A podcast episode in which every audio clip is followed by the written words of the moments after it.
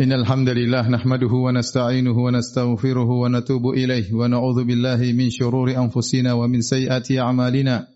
من يهده الله فلا مضل له ومن يضلل فلا هادي له. وأشهد أن لا إله إلا الله وحده لا شريك له. وأشهد أن محمدا عبده ورسوله لا نبي بعده. يا أيها الذين آمنوا اتقوا الله حق تقاته ولا تموتن إلا وأنتم مسلمون.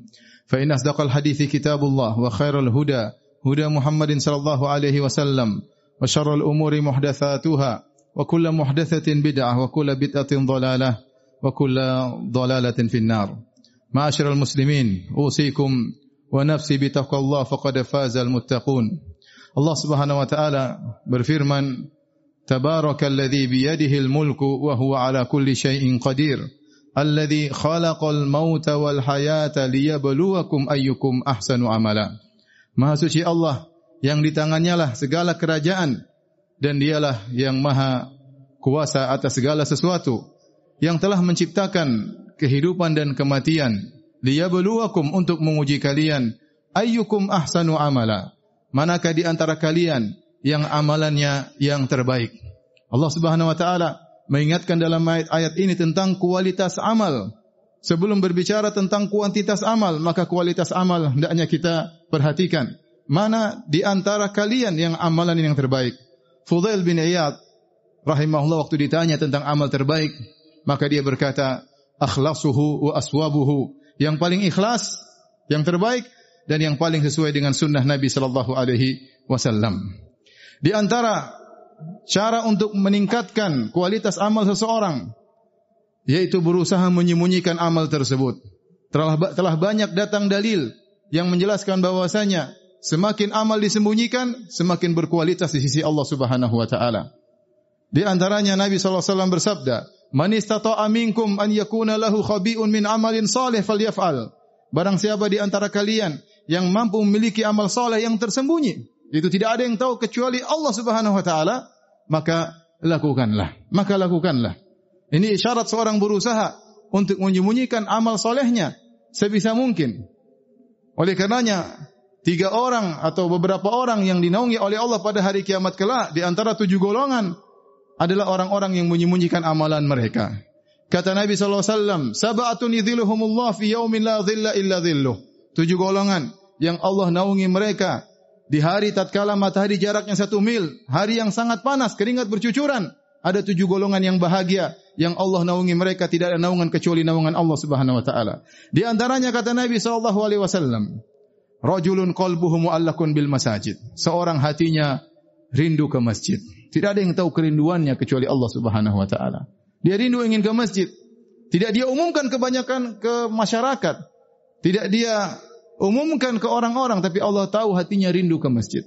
Di antaranya kata Nabi sallallahu alaihi wasallam rajulun tasaddaqa bi yaminihi fa akhfaha hatta la ta'lama shimaluhu ma tunfiqu yaminuhu. Seorang yang bersedekah dengan tangan kanannya kemudian dia sembunyikan sampai-sampai tangan kirinya tidak tahu apa yang disedekahkan oleh tangan kanannya. Jangankan orang lain tahu, sebagian anggota tubuhnya tangan kirinya tidak tahu apa yang diinfakkan oleh tangan kanannya. Menunjukkan betapa berusaha dia untuk menyembunyikan sedekah yang dia keluarkan. Dan yang ketiga Nabi sebutkan di antara tujuh golongan tersebut Rajulun dzakarallaha khalian fafadat ainah. Seorang dia tatkala bersendirian, khalian bersendirian, dia ingat Allah maka kemudian kedua matanya mengalirkan air mata. Dia menangis bukan di hadapan orang lain tetapi dia menangis di hadapan Allah Subhanahu wa taala. Dia sembunyikan tangisannya karena Allah Subhanahu wa taala. Oleh karenanya juga salat yang terbaik adalah salat yang disembunyikan. Kata Nabi sallallahu alaihi wasallam, "Afdalu salatil mar'i fi baitihi illa al-maktubah." Sebaik-baik solat seorang adalah di rumahnya kecuali solat fardu tentu di masjid. Semakin seorang menyembunyikan solat-solat sunnahnya maka itu semakin terbaik di sisi Allah Subhanahu wa taala. Nabi SAW bersabda sadaqatu sir tudfi ghadab rabb. Sungguhnya sedekah yang dikeluarkan dengan diam-diam akan meredamkan kemurkaan Allah Subhanahu wa taala. Allah Subhanahu wa taala berfirman, "In tubudu shadaqati fa ni'mahi wa in tukhfuha wa tu'tuha al-fuqara fa huwa khairul lakum wa yukaffiru 'ankum min sayyi'atikum wallahu bima ta'maluna khabir." Kata Allah, jika kalian menampakkan sedekah kalian, maka itu baik. Tapi jika kalian sembunyikan sedekah kalian, lantas kalian berikan kepada fuqara, maka itu lebih baik bagi kalian dan Allah akan menghapuskan dosa-dosa kalian. Sungguhnya Allah Maha Khabir, Allah mengetahui dengan detail apa yang kalian kerjakan. Lihat dalam ayat yang terakhir yang saya bacakan, Allah sebutkan dua kualitas amal. Amal yang nampak dan ikhlas, lebih baik lagi amal yang ikhlas dan disembunyikan. Amal yang ditampakkan dengan ikhlas itu baik, tapi lebih baik lagi adalah amalan yang ikhlas dan disembunyikan. Bahkan Allah menyebutkan jika seorang bersedekah dengan diam-diam disembunyikan, maka wa yukaffiru ankum min sayyiatikum, Allah akan menghapuskan dosa-dosanya. Kemudian kata Allah Allah tutup ayat tersebut dengan mengatakan wallahu bima ta'maluna khabir. Jangan khawatir, Allah tahu apa yang kalian kerjakan. Tidak ada yang lihat. Istrimu tidak melihat, saudaramu tidak melihat, kawanmu tidak melihat. Tapi Allah mengetahui sedekah yang kau keluarkan. Ma'asyiral muslimin, oleh karenanya kita dapati bagaimana praktek para salaf. Mereka benar-benar mempraktekkan hal ini. Berusaha untuk menyembunyikan amal soleh mereka. Lihatlah bagaimana Al-Auza'i meriwayatkan dari Umar bin Khattab radhiyallahu ta'ala anhu. Umar keluar di malam hari, di dalam kegelapan malam. Lantas dia diikuti oleh Talha bin Ubaidillah. Tahu-tahu Umar masuk ke dalam sebuah rumah. Kemudian setelah itu Umar meninggalkan rumah tersebut. Maka keesokan harinya Talha penasaran. Maka dia pun datang ke rumah tersebut ternyata dia masuk dalam rumah tersebut ada seorang tua yang sudah buta, muqadah, duduk tidak bisa berbuat apa-apa. Maka Umar bertanya, apa gerangan lelaki semalam datang kepada Maka Tolha bertanya, apa gerangan lelaki semalam datang kepadamu? Maka wanita buta yang sudah duduk ini tidak bisa bergerak berkata, lelaki tersebut selalu menyediakan kebutuhanku. Umar radhiyallahu anhu malam-malam keluar tidak ada yang tahu, maka dia pun membantu wanita yang tidak bisa berbuat apa-apa tersebut. Lihatlah Ayub As-Sikhtiyani rahimahullahu taala. Di mana beliau kalau salat malam, beliau salat malam. Kemudian beliau menyembunyikan salat malam mereka. Kemudian beliau menyembunyikan menyembunyikan salat malam beliau.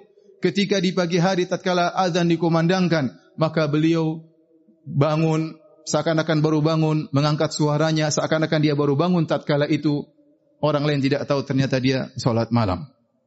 Kemudian Ayub As-Sikhtiyani juga kalau beliau menyampaikan sebuah hadis, fayariqu qalbuhu, kemudian tiba-tiba hatinya bersedih dan dia pun menangis. Maka dia tidak ingin menampakkan tangisannya di hadapan orang lain.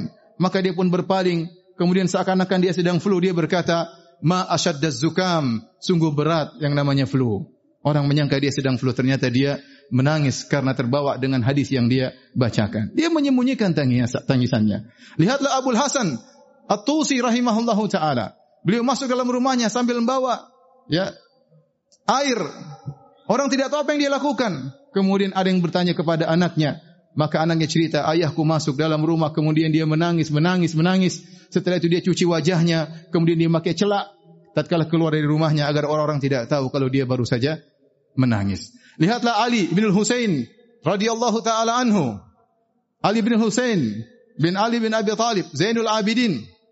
Kata Muhammad bin Ishaq, kana nasun bil madinati ya'ishuna wa ma yadruna min aina kana ma'ashuhum. Sekelompok orang di Madinah mereka selalu mendapatkan ya asupan makanan. Dan mereka tidak tahu dari mana makanan mereka tersebut mereka dapatkan.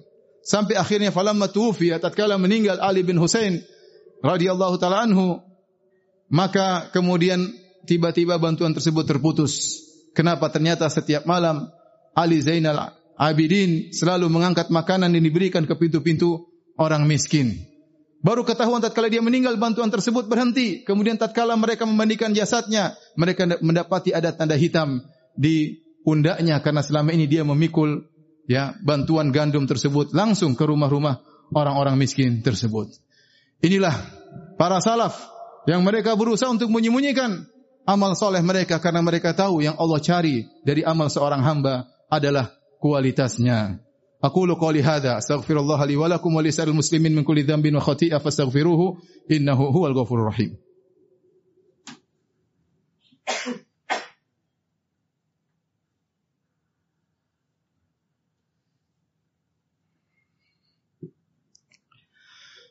Alhamdulillah ala ihsani wa syukru lahu ala taufiqihi wa amtinani wa asyhadu an la ilaha illallah wahdahu la syarika lahu ta'ziman li sya'ni wa asyhadu anna Muhammadan abduhu wa rasuluhu da'ila ridwani Allahumma salli alaihi wa ala alihi wa ashabihi wa ikhwani Ma'asyiral muslimin sungguhnya kita sekarang hidup di zaman medsos di zaman informasi yang begitu mudah untuk disebar dan tersebar. Seorang waspada jangan sampai dia mengurangi kualitas amalannya dengan menyebarkan, dengan men-share amal soleh yang dia lakukan. Apapun amal soleh yang kita lakukan, sebisa mungkin kita sembunyikan. Karena nilainya lebih tinggi di sisi Allah subhanahu wa ta'ala. Adapun kalau kita share amal soleh kita, berbakti kepada orang tua, kita sebutkan di medsos, kita pergi umrah, kita sebutkan di medsos, ya, kita lempar di grup, kita hajian, kita foto-foto diri kita, kemudian kita sebarkan di Facebook dan medsos lainnya, ya. Kita bersedekah, kita sebutkan, kita cerita, kita berdakwah, kita cerita sana cerita sini. Akhirnya kualitas amal kita berkurang dan itu yang diinginkan oleh syaitan kata Ibnu Qayyim rahimahullahu taala.